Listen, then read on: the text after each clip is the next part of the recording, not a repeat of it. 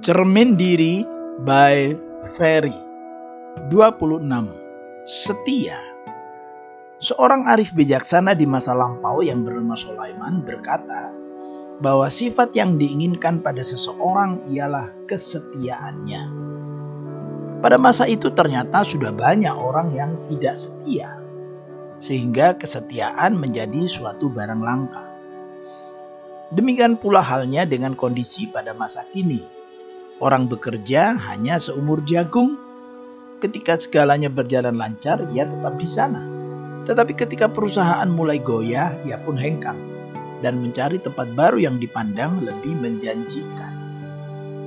Kesetiaan dalam keluarga juga sudah semakin langka. Ketika penghasilan suami mencukupi kebutuhan keluarga, sang istri setia. Tetapi ketika suami mulai di PHK, istri pun minta dipulangkan ke rumah orang. Suami juga demikian. Ketika istri masih langsing dan kulitnya kencang, sang suami setia dan menyayanginya. Tetapi ketika istri menjadi bertambah gemuk atau kulitnya mulai mengeriput, ia pun siap-siap mencari wanita lain. Apakah arti kesetiaan itu? Kesetiaan diartikan dengan tetap di tempat dalam segala kondisi.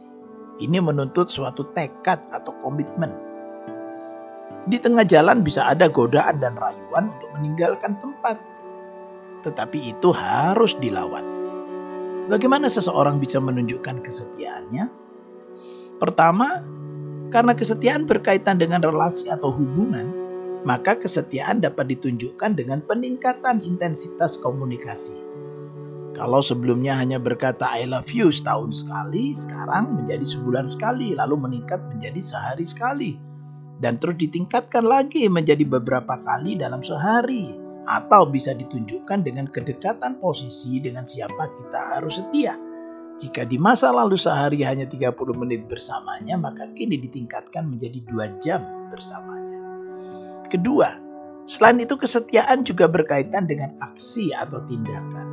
Berarti kesetiaan bisa ditunjukkan dengan peningkatan kualitas pelayanan kita kepadanya kalau dulu melayani asal-asalan saja, maka kini dengan segenap hati.